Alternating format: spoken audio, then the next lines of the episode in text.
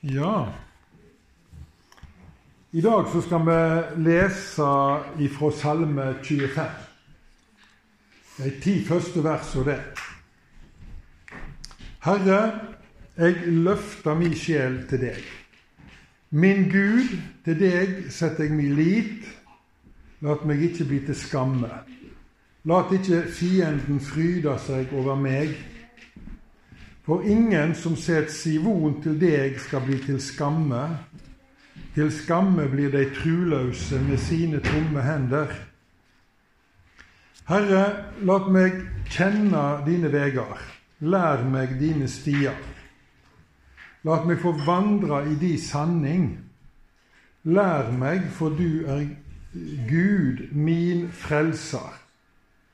Til deg setter jeg alltid mi von. Herre, kom i hug din miskunn og din kjærleik, som er fra evig tid. Kom ikke i hug min ungdoms feilsteg og synder. Kom meg i hug i din miskunn, Herre, for du er god. Herren er god og rettvis. Derfor viser han syndere vegen. Han let de hjelpeløse færast rett og lærer deg sin veg. Alle Herrens stier er miskunn og truskap. Mot de som held Hans pakt og Hans bud. Heilage Far, helga oss i sanninga. Ditt ord er sanning. Denne salmen her, den har 22 vers. Det første verset begynner på A, og det andre begynner på B, og det tredje på ikke på C, for det eksisterer ikke i det hebraiske alfabetet, men D. Og Da forstår vi at det er 22 bokstaver i det hebraiske alfabetet. Dette er en av de atrostiske salmene som alle er bygd opp på det hebraiske alfabetet. Den lengste atrostiske salmen da er salme 119. Der har du åtte vers på A, og åtte vers på B, og åtte vers på D, osv. Og, og da tar du åtte og ganger med 22, så kommer du opp til 176. Så Derfor så er salme 119 det lengste kapittelet i Bibelen. Jeg holder på med en serie der jeg går gjennom alle versene i Salme 119 på en eh, podkast som jeg har, så der kan dere følge med. Nå er vi kommet omtrent til, salm, til vers 71, tror jeg, for de som gidder. Det tar ca. fem minutter hver sending. Ja, og dere finner det på Spotify. Jensen er kommet på Spotify. Herre, jeg løfter min sjel til deg. David strekker seg mot Gud. Jeg vet ikke hva du strekker deg mot. Strekker du deg mot Gud? Mange strekker seg etter ære og berømmelse, makt og penger og anerkjennelse. Andre strekker seg bare etter trygghet. Men vi som kjenner Gud, vi strekker oss etter Han. Vi løfter sjelene våre til Han. Hvorfor da? Jo, fordi vi er så innmari glad i Han. Vi elsker Han så høyt. Har du stått opp med Kristus, så søk det som er der oppe, skriver Paulus i Kolossabrevet 3. Der Kristus sitter ved Guds høyre hånd, og ikke etter det som er på jorda. Hvem er det som har stått opp med Kristus? Jo, det er alle truende som er døpt til Kristus. De har stått opp med Kristus til et helt nytt liv. Og David sier at det er dette jeg holder på med i livet. Jeg løfter min sjel opp til deg, Gud. Du som er min glede, mitt håp, min kjærlighet, min fred, min frelse, min rettferdighet, min gjeter, konge, Gud, brudgom og min faste borg. Det er deg, Gud, jeg strekker meg etter. Hvordan kan vi løfte sjelene våre opp til Gud? Jo, ved å be Salmenes bok. Jødene ba Salmenes bok hver eneste dag. Det var deres bønnebok. David sier at sju ganger om dagen så vender jeg mitt hjerte til deg. Dere husker Daniel i Babylonia. Tre ganger om dagen så gikk han fast inn på rommet sitt og åpna vinduet mot Jerusalem, og så bøyde han seg for himmelens Gud. Det var en rytme i deres kristenliv som handla om å være ute i hverdagens oppgave og så inn til Gud. Ut i hverdagens oppgave, inn til Gud. Det er Gud det egentlig handler om. Hverdagens oppgave handler om dette livet som er så vanvittig kort. Mens livet med Gud handler om evigheten. De aller fleste mennesker er så opptatt av alt som har med dette livet å gjøre. Dette korte livet. Og så har de ikke tid til Gud så går de ikke inn til Gud og pleier sjelene sine og hjertene sine. Så taper de en evighet sammen med Gud fordi verden ble så okkuperende. For er det noe som kan sies om denne verden? Den okkuperer fort ditt og mitt sinn. Slik at vi glemmer Gud. Men du må ikke glemme Gud. Du må ikke la Gud gå forbi deg. Til fordel for det som ikke er verdt noe som helst i det lange løp. Det står om Moses at han akta Egyptens rikdom for ingenting i forhold til det å lide vondt sammen med Guds folk. Han hadde fått et perspektiv på livet som var sant.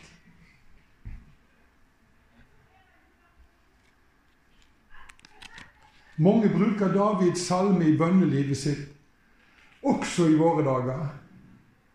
Det kommer stadig ut nye bøker med tidebønn, og der er Davids salme et fast innslag.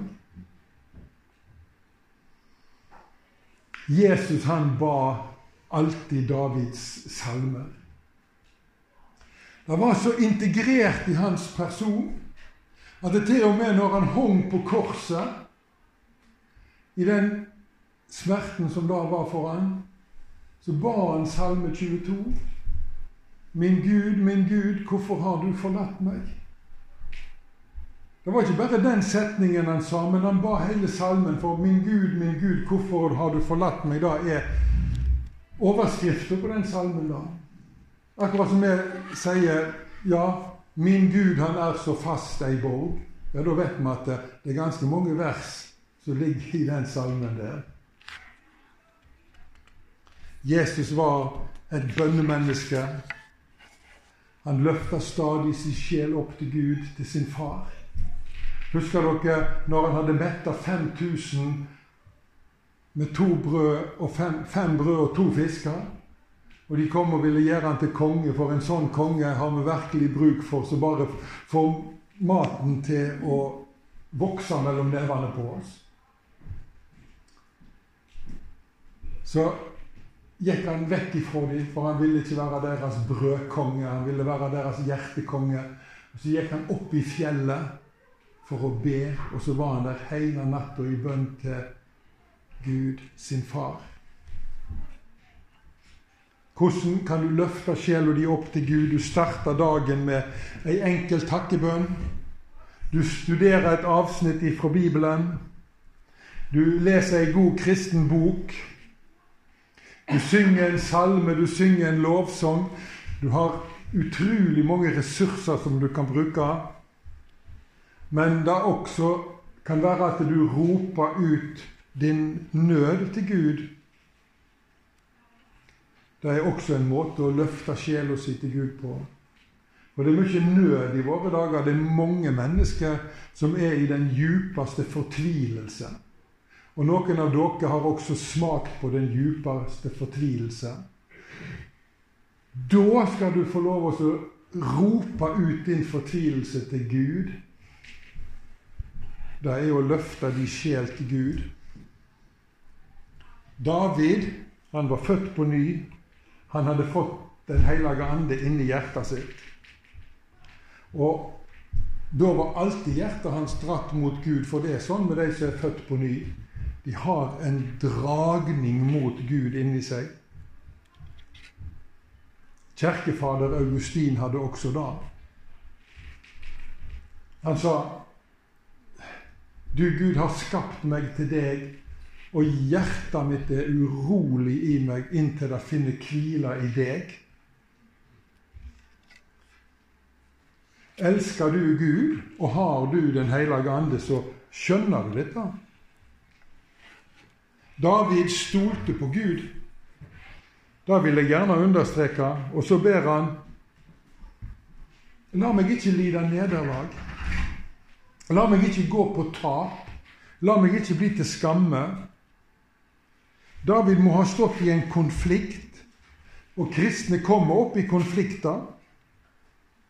Mange kristne i dag blir forfølgt for Jesu navns skyld i mange land. Flere kristne blir kritiserte vi lever jo egentlig i en verden der, og tidsalder der dette å kritisere har blitt veldig moderne. Det skal ikke så mye til før at eh, kritikken hagler. Alle som vil følge Jesus, vil møte motstand. Da sier Paulus i apostelgjerningene at, at alle som vil gå på Guds vei, vil komme til å møte motstand. Det er ikke noe vei utenom det. Så det er viktig at du seirer i disse kampene dine. Og hva betyr det å seire i kristen sammenheng? Jo, det er at du står fast på det som Gud har sagt til deg, sjøl om det er tøft for deg. Sjøl om det koster deg noe. Så nei, dette vil jeg stå fast på likevel. For dette er Guds ord, min fars ord. Jeg må stole på Han. Jeg må ikke, jeg må ikke tulle og begynne å, å vike av ifra ordet, for da lir du nederlag. Å seire er å bli stående fast. Og da sier Jesus også i, i eh, Johannes' åpenbaring den som seirer. Og da henviser han til det. Den som holder fast på mitt ord. Det er den som seirer.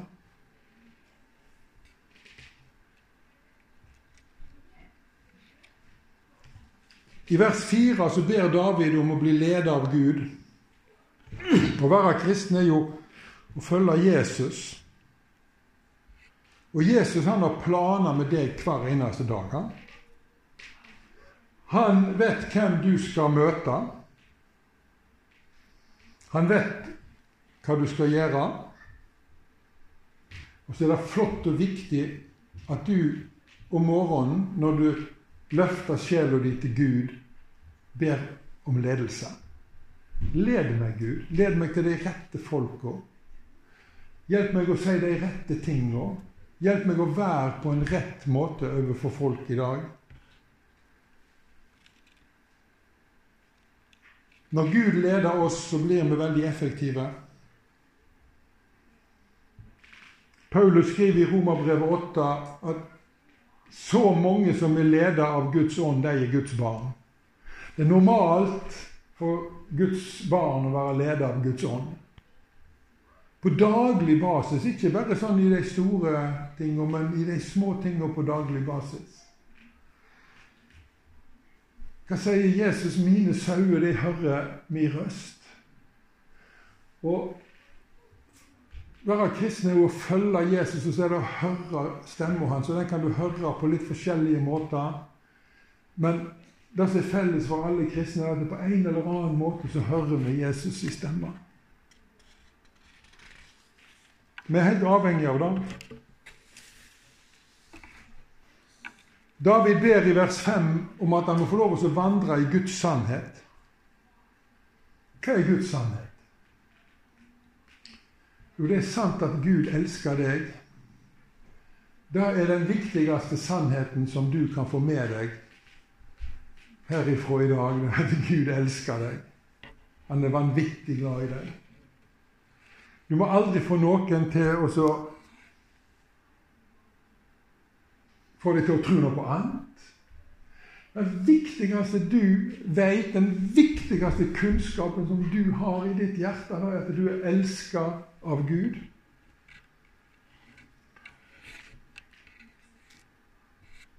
Og det er sant at Jesus døde for deg.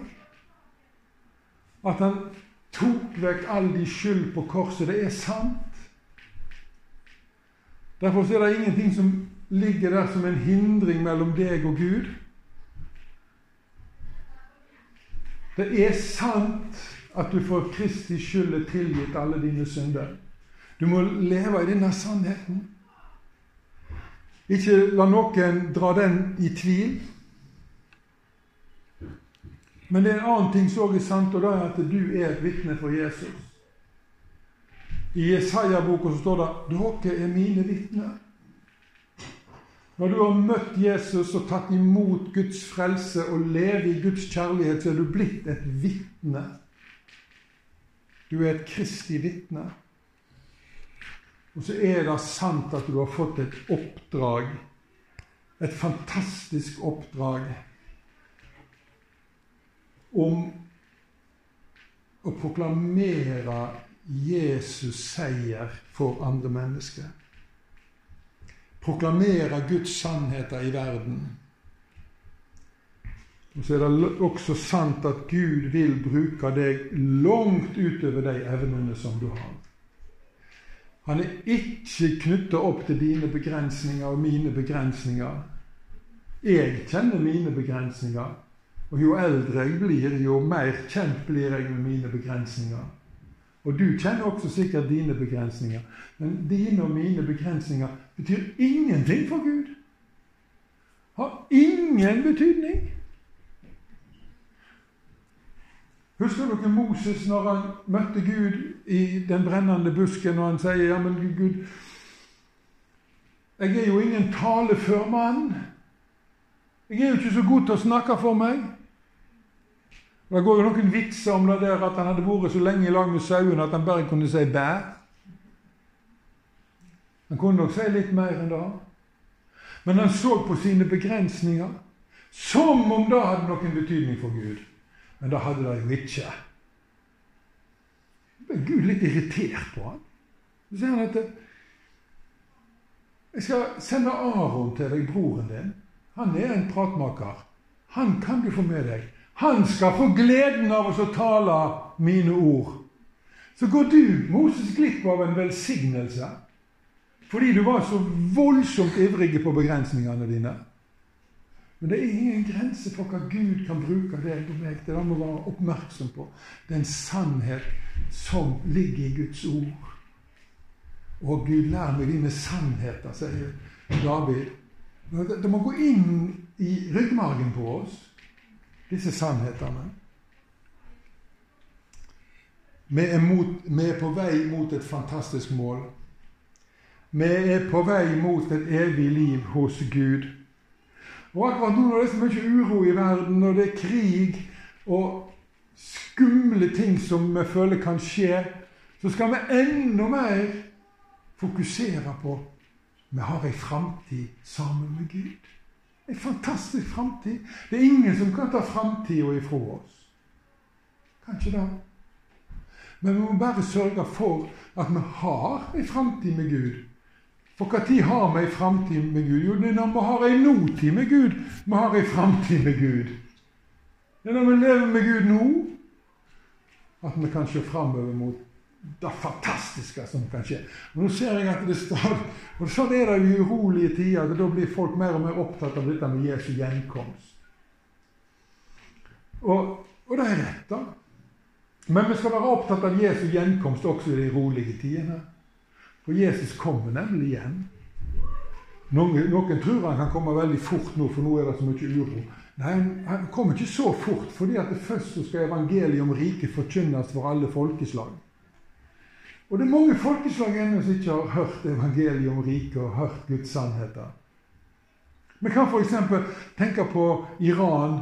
Der er det et stort folk på tre millioner mennesker som bor oppe med Det kaspiske hav. De heter Gilaki-folket. De har aldri hørt evangeliet om Jesus.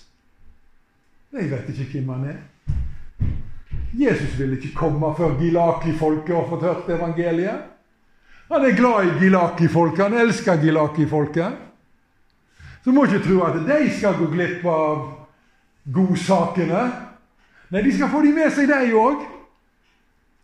Så Putin får ikke lov å sprenge ei eneste atombombe før Gilaki-folket har fått hørt evangeliet. Da kan dere være sikre på. Han kan prøve, men knotten hans vil ikke komme til å fungere. For det er Gud som bestemmer når disse tingene skal skje. Ingen andre. Det er Han som sitter på trona. Og Det er det fantastiske som vi kan få lov å forkynne i vår tid. Det er Gud som sitter på trona, og Kristus har sett seg ved hans høyre hånd. Og det er Han vi søker. Fantastisk.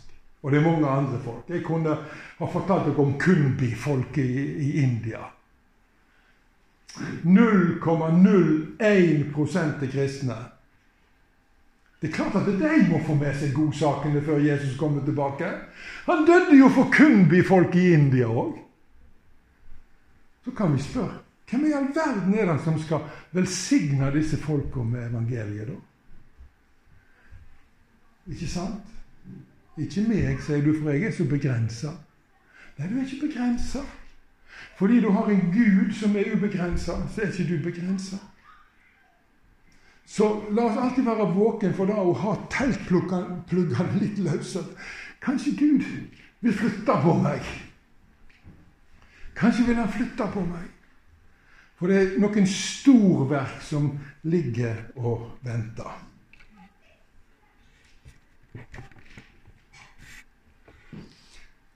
Det er ikke den aller minste sjanse for at du skal gå fortapt så lenge du holder deg til Jesus. Ikke den aller minste sjanse da. Du kommer deg elegant gjennom døden og dommen når du kommer sammen med Jesus. Og Det er så fantastisk å tenke på at eh, har du Jesus, så er du helt uimotståelig. Alt som er galt i ditt liv, er tildekket av Hans nåde. Så jeg har lyst til å si til deg Gud gleder seg så masse til du kommer. Han har ikke vært for akkurat disse tingene som jeg har snakket nå om Gilati-folket og Kumbi-folket, og kanskje naboen din, hva vet jeg, så han har tatt deg hjem med en gang, for han er så glad i deg. Han gleder seg sånn til å kunne være i lag med deg. Men han holder deg litt igjen fordi at du har en funksjon. Han vil komme til syne gjennom ditt liv, så han holder litt igjen, altså før han tar deg hjem. At Når du den dagen kommer hjem til Gud og får se Hans ansikt og erfare hvem Han er, så Å, det sånn det var. Dette gikk over alle mine forventninger. Og har du ikke brått ut i lovsangskor før, så gjør du det. Da blir det ikke vanskelig å bryte ut i lovsang til Gud. Du blir veldig fanga. Det hender av og til at det dukker opp noen gamle syndeminner som spøkelser i vårt sinn. For jeg slipper inn i Guds himmel. Jeg med min historie, for jeg slipper inn i Guds himmel. Nei, du slipper ikke inn i Guds himmel med din historie. Du slipper bare inn i Guds himmel med Jesus sin historie. Han har testamentert sin historie til deg, og han har overført den til deg i dåpen. Og den er gyldig så lenge du tror på Han. Og så tok han din historie som sin historie, og så måtte han blø for den. Kan du ikke bare prise han for dette? Kan du ikke bare ta det inn? Da blir alt så veldig mye enklere for deg.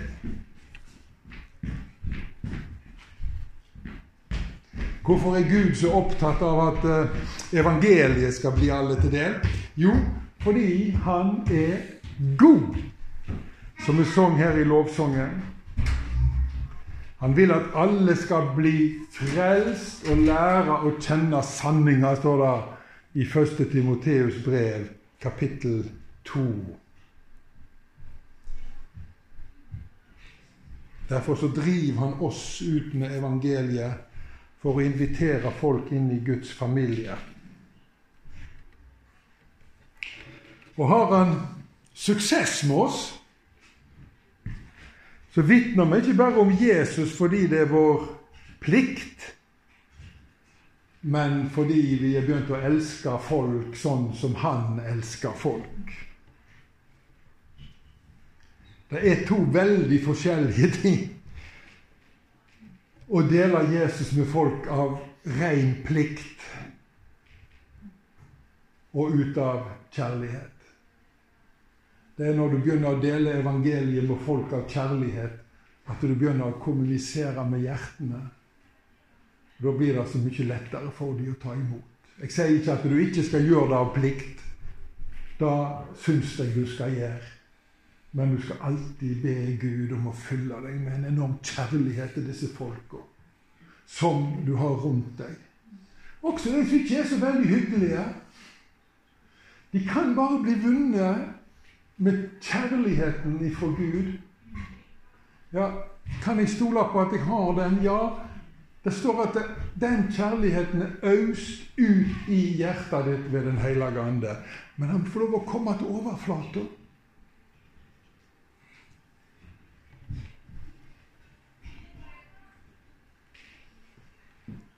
Og hvem er det som tar imot budskapet med glede og takk?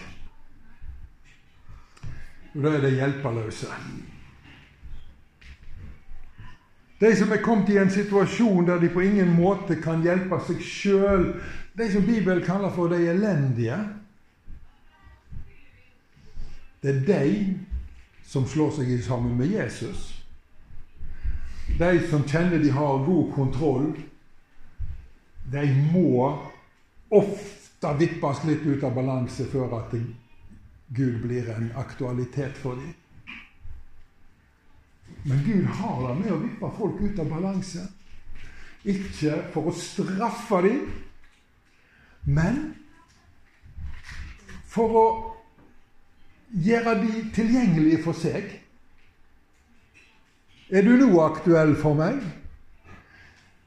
Vi må forstå, Alle mennesker må forstå at vi er støv. Vi kan av og til føle oss veldig proffe og veldig ovenpå. Men når alt kommer til alt, så en støv. I går så jobba Lars Ivar og meg med noen vedkubber, og jeg fikk en vedkubbe på fingeren min. Så presset han litt flat. Jeg tenkte jeg er visst støv. Au! Det skulle ikke mye til for det gjør vondt. Sant? Du tenker ikke på det når du ikke har vondt. Men så plutselig så får du deg en killevink. Du får deg et mit i ryggen. Og du blir hjelpeløs. Det er ikke så mye med oss sånn sett, altså. Vi er støv. Vi er sårbare. Men ikke alltid vi klarer det. Så Derfor må Gud ofte få folk litt ut av balanse for å gjøre dem tilgjengelig for seg sjøl. Sånn er det. Det perspektivet må vi også ha når vi ser at det skjer vanskelige ting for folk er det Gud som er i ferd med å gjøre dem tilgjengelig for seg sjøl.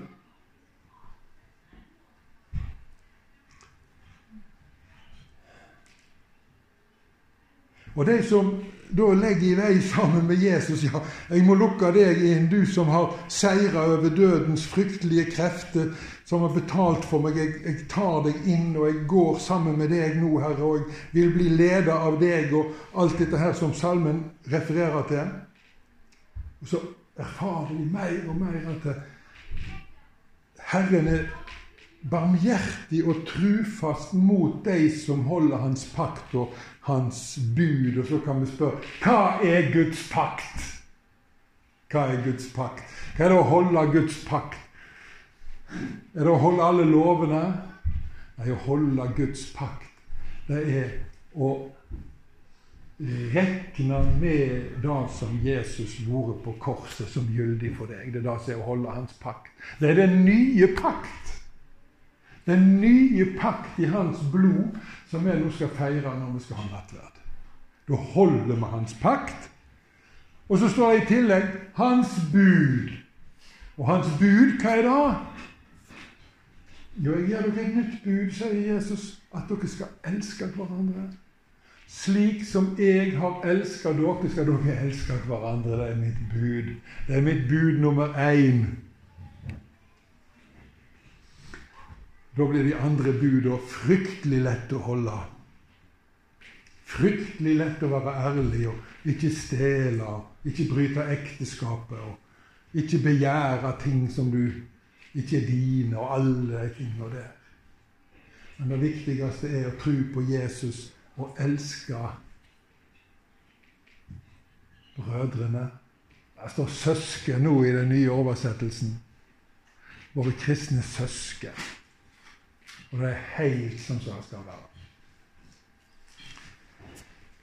Ære være Faderen og Sønnen og Den hellige ande, som var og er og være skal én sann Gud fra Eva og til Eva. Amen.